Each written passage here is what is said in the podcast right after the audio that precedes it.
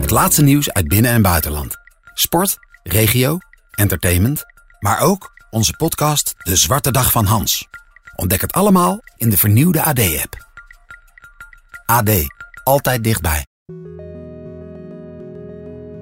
Ik lag op de tafel en het was eigenlijk een gigantische dreun. Bij de eerste miskraam voelde ik het echt dat het niet goed zat.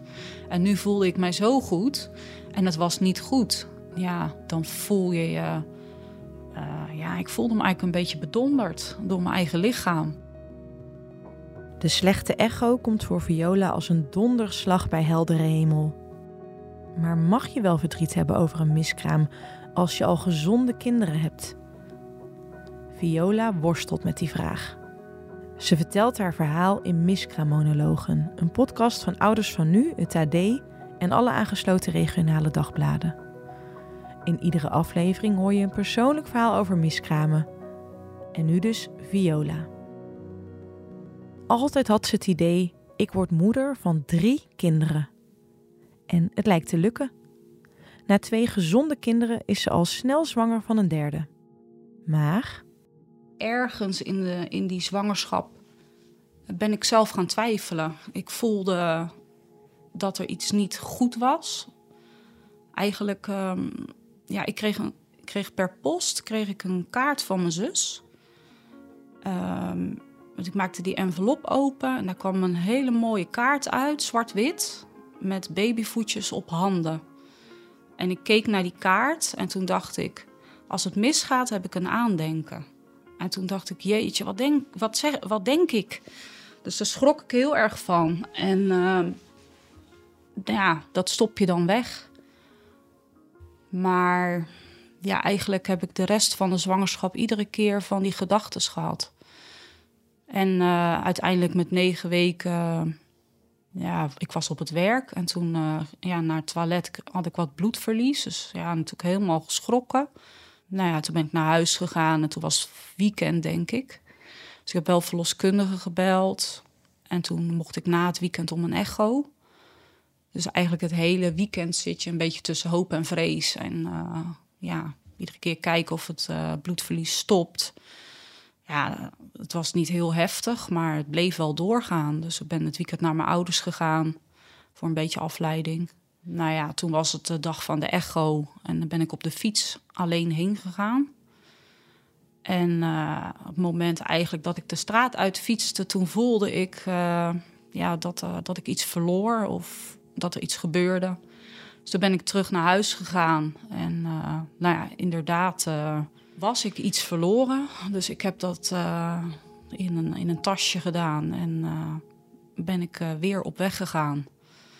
En in de ver- verloskundige praktijk ehm, ja, heb ik dat natuurlijk gegeven. En toen eh, heeft ze met een echoapparaat gekeken. Toen zei ze van, nou, ik zie dat je blaas nog behoorlijk vol zit. Ehm, dus ze zei, eh, ga even naar het toilet. Dus toen ging ik naar het toilet en eigenlijk eh, daar ja, viel alles eruit.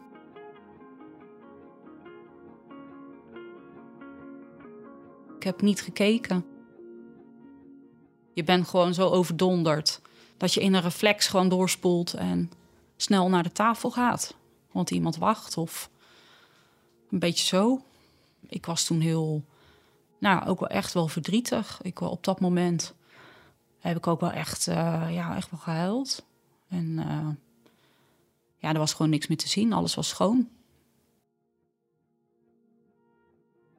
Als ik zelf terugkijk in de tijd, heb ik ook ehm, er veel makkelijker over gedacht, over een miskraam. Eh, dat je toch denkt, eh, het hoort bij de natuur, eh, het hoort bij het leven.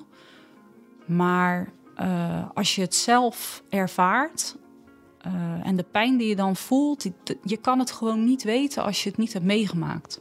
Dat is natuurlijk met heel veel dingen in het leven. Dat je, dat je pas weet hoe iets is als je het doormaakt.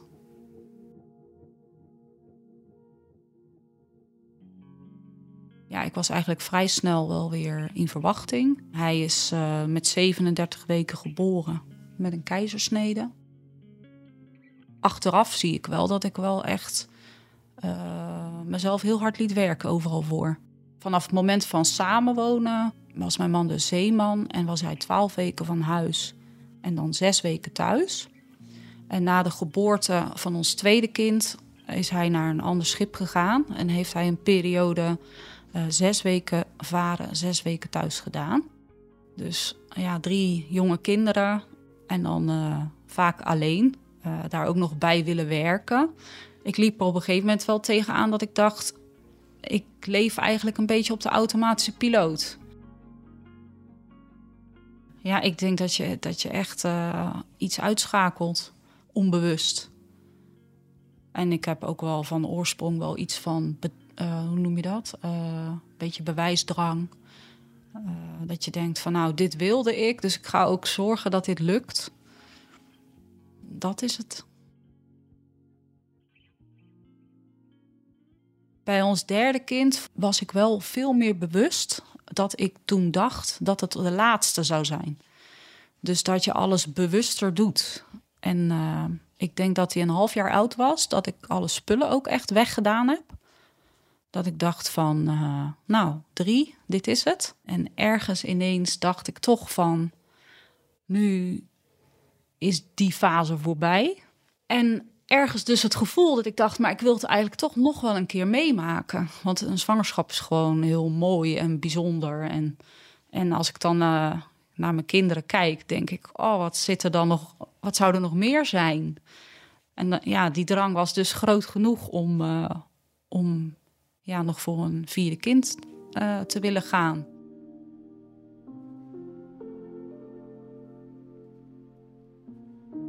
Eigenlijk uh, heb ik ook weer gewoon heel vroeg getest. En uh, de test was positief, dus ik was super blij. Ik voelde me echt super goed. Ik had er alle vertrouwen in. En uh, nou ja, toen was de dag van de eerste echo. Dus uh, ben ik weer op de fiets naar de verloskundige praktijk gegaan. En uh, vol verwachting uh, op de tafel gaan liggen klaar voor de echo. En het beeld ging aan en de echo werd gemaakt. En eigenlijk vrij snel zag je dat het ja, beeld niet klopte. Was eigenlijk een soort mist te zien in plaats van een uh, vruchtje of ja, kindje. En ja, de verloskundige die zei eigenlijk vrijwel meteen van dit is niet goed. Ik moet er een gynaecoloog bij gaan roepen. Ik hoop dat hij nu tijd heeft, want ik denk dat je een mola-zwangerschap hebt. Ik hoorde dat ik een mola-zwangerschap had, maar mijn hoofd zat zo vol van de klap dat er geen kind kwam, dat alle informatie die op dat moment uh, gegeven is of aangeboden is, is gewoon langs mij heen gegaan. Mijn systeem zat helemaal vol. Een mola-zwangerschap, wat ik ervan onthouden heb, is in ieder geval dat er ook uh, verkeerde cellen aanwezig zijn, die ook uiteindelijk voor je eigen gezondheid uh, ja, ook wel gevaarlijk kunnen zijn. Uh, mijn omgeving was daar heel druk mee. Uh, die hebben het allemaal gegoogeld en die zeiden van, oh jeetje. Maar ik was daar zelf eigenlijk ja, niet echt mee bezig. Ik kon het niet of het, het kon er niet meer bij. En gaandeweg het hele proces, ja, komt dat wel stapsgewijs door. Maar ja, je krijgt zoveel binnen als dat je aan kan, denk ik. Nou ja, volgens mij een van de eerste dingen die ik gedaan heb, is uh, mijn man een mailtje gestuurd. Omdat hij geen telefoonontvangst had toen. Uh, dus ja, ik heb een paar zinnen getypt van het is niet goed, het is helemaal mis en ja, nog iets met sorry, denk ik. Ik heb eigenlijk geprobeerd om alles door te laten gaan. Om gewoon goed voor mijn kinderen te zorgen en dat het voor hun normaal bleef. Uh, ja, maar ja, ik liep er eigenlijk wel tegenaan dat dat gewoon niet haalbaar was. Het was gewoon, uh, de klap was te groot. Ik heb eigenlijk, als ik erop terugkijk, drie dagen niet zoveel anders kunnen doen dan naar het tikken van de klok luisteren gewoon zo van mijn padje af. En uh, in een soort roes terug naar het ziekenhuis gegaan. Toen is mijn zus mee geweest. het bezoek bij de gynaecoloog, ehm, ja, ja, hij vroeg denk ik wat ik wilde. En uh, misschien heeft hij uitgelegd wat de opties zijn. Ik weet het eigenlijk helemaal niet meer. Maar wat ik wel weet is dat ik uh, er echt zo snel mogelijk vanaf wilde. Dat ik dacht, er is iets doods in mijn lichaam. Het moet weg. Heel erg dat. Van, het moet eruit. Um, ook de gedachte uh, heel goed voor mijn kinderen willen zorgen. En het voor hun allemaal zo normaal mogelijk houden. Dat ik dacht, straks sta ik bijvoorbeeld bij de zwemles en komt het los. Dat is niet handig. Dus vanuit die gedachtegang, uh, ja, heb ik ervoor gekozen om, uh, om een curitage te laten doen. En de gynaecoloog is daar eigenlijk gewoon heel goed in meegegaan. En dat is ook gebeurd. Gevoel van leegte. Het is gewoon echt verschrikkelijk als je wakker wordt. En dan ondanks dat je vier gezonde kinderen op de wereld hebt gezet. Ja. En daar zit gelijk, denk ik, uh, de tweestrijd van mijzelf. En misschien wel van anderen ook, dat weet ik niet. Maar dat je heel dankbaar kan zijn voor alles wat je hebt. En dat je tegelijk toch ook verdrietig kan zijn om wat er niet is. Zelfs als je zo geboft hebt. Dat.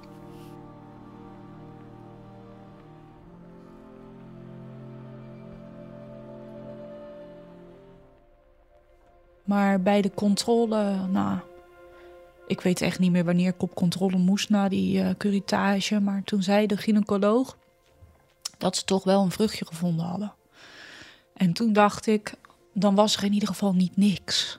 Het leek net of ik in verwachting was van een hoop mist. Voor mijn gevoel. Dus ja, daar was ik heel blij om.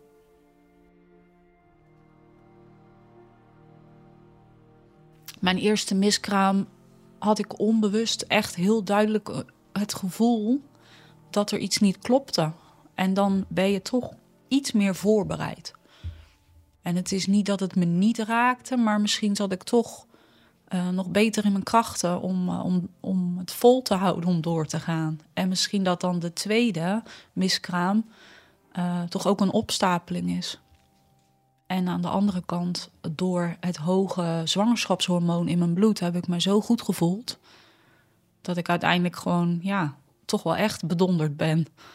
Uh, ja, het goede gevoel en de hele slechte uitslag toen. Ik voelde me echt bedonderd gewoon. Ja. Ik heb eigenlijk uh, na de mola-zwangerschap een hele moeilijke periode gehad. Ik heb een periode niet kunnen werken. Uh, ik weet nog dat ik bij de gynaecoloog was en ook gevraagd heb: is het, is het normaal dat ik uh, moeite heb met naar mijn werk gaan? En eigenlijk het antwoord wat hij gaf was heel simpel. Dan werk je toch een tijdje niet. Maar dat kwam in mijn woordenboek niet voor. Ik vond eigenlijk zelf dat ik gewoon moest doen wat ik altijd deed ik, ik vond het eigenlijk. Uh, ik heb heel veel moeite gehad met eigenlijk dat ik het zelf zo moeilijk vond. Ik heb mezelf heel erg in de weg gezeten. Aan de ene kant heb je drie gezonde kinderen en je hebt zoveel geluk. Ik, ik heb mijn eigen gevoel helemaal niet begrepen op dat moment. Ook als Viola weer aan het werk gaat, blijft ze moe.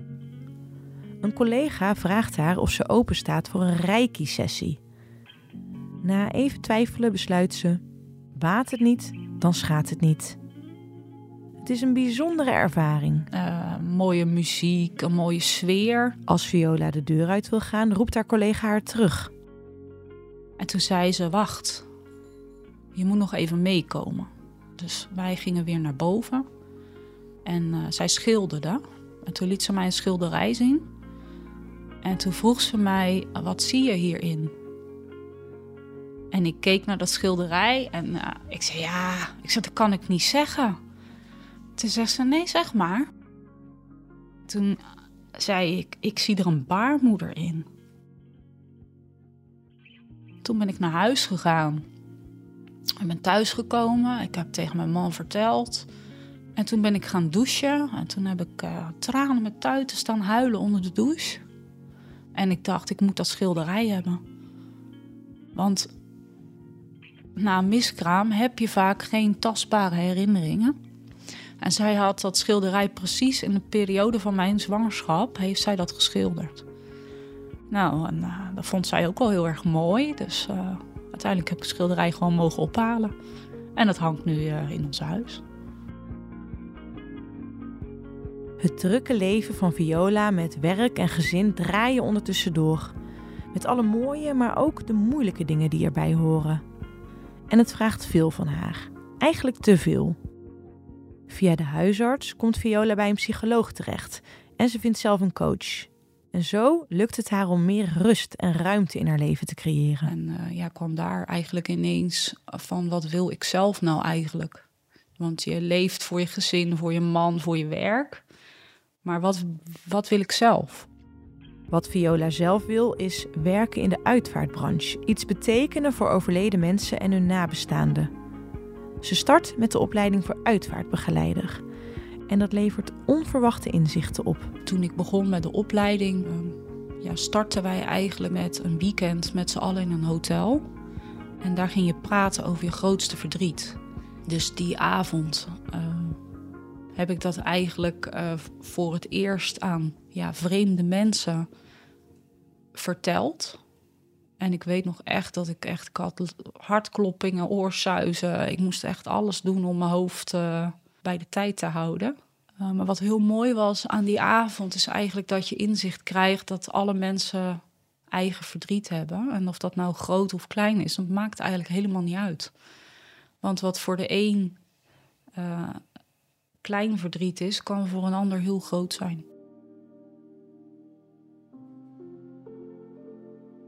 Op een gegeven moment was er een opdracht: schrijf een voorwoord voor een uitvaart. Dus uh, nou ja, toen zat ik thuis aan tafel. Ik dacht, jeetje, wat moet ik nou doen, joh? Want je mocht zelf iemand verzinnen. Hey, maar om nou iemand te verzinnen om een voorwoord voor te schrijven, vond ik heel erg gek. En uh, toen koos ik ervoor om een voorwoord te schrijven voor het afscheid van mijn eigen miskraam. En ik vond het altijd heel spannend om in, ja, tegen publiek te spreken, nog steeds. Maar toen nog veel erger. Uh, maar ik heb toen uh, ja, een stukje op internet gevonden. Hoe moet je afscheid nemen van iets dat er nog niet was? Van een droom die toch niet uitkwam, ook al was die er maar pas. En zo gaat het nog verder. En uh, nou ja, ik heb dat uitgesproken. Ik kon iedereen aankijken. Dit was echt zo van mij. Dit klopte. Ja, en, en toen kwam het besef uh, dat ik terugkeek naar alle andere opdrachten. Dat ik dacht, het heeft al die tijd een rol gespeeld.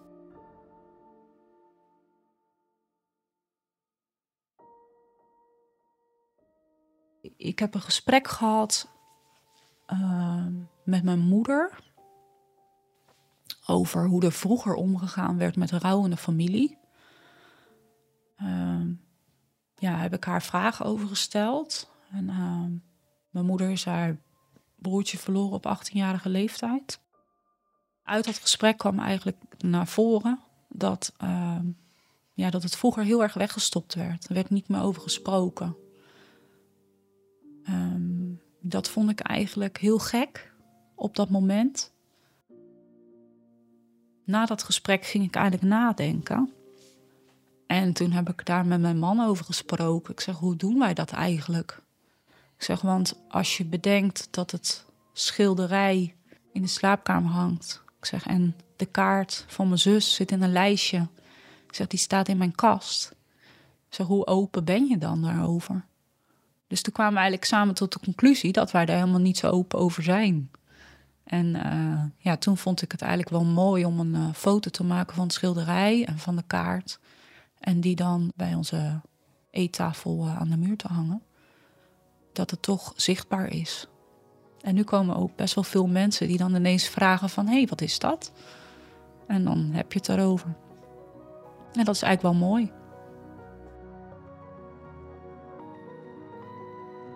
Je luisterde naar Miskraammonologen, een podcast van Ouders van Nu, het AD en de aangesloten regionale dagbladen. Dit was het verhaal van Viola. Ik dank haar en ook speciale dank voor Mirjam van Krij van Miskraambegeleiding Nederland. Ik hoop dat jij er iets aan hebt.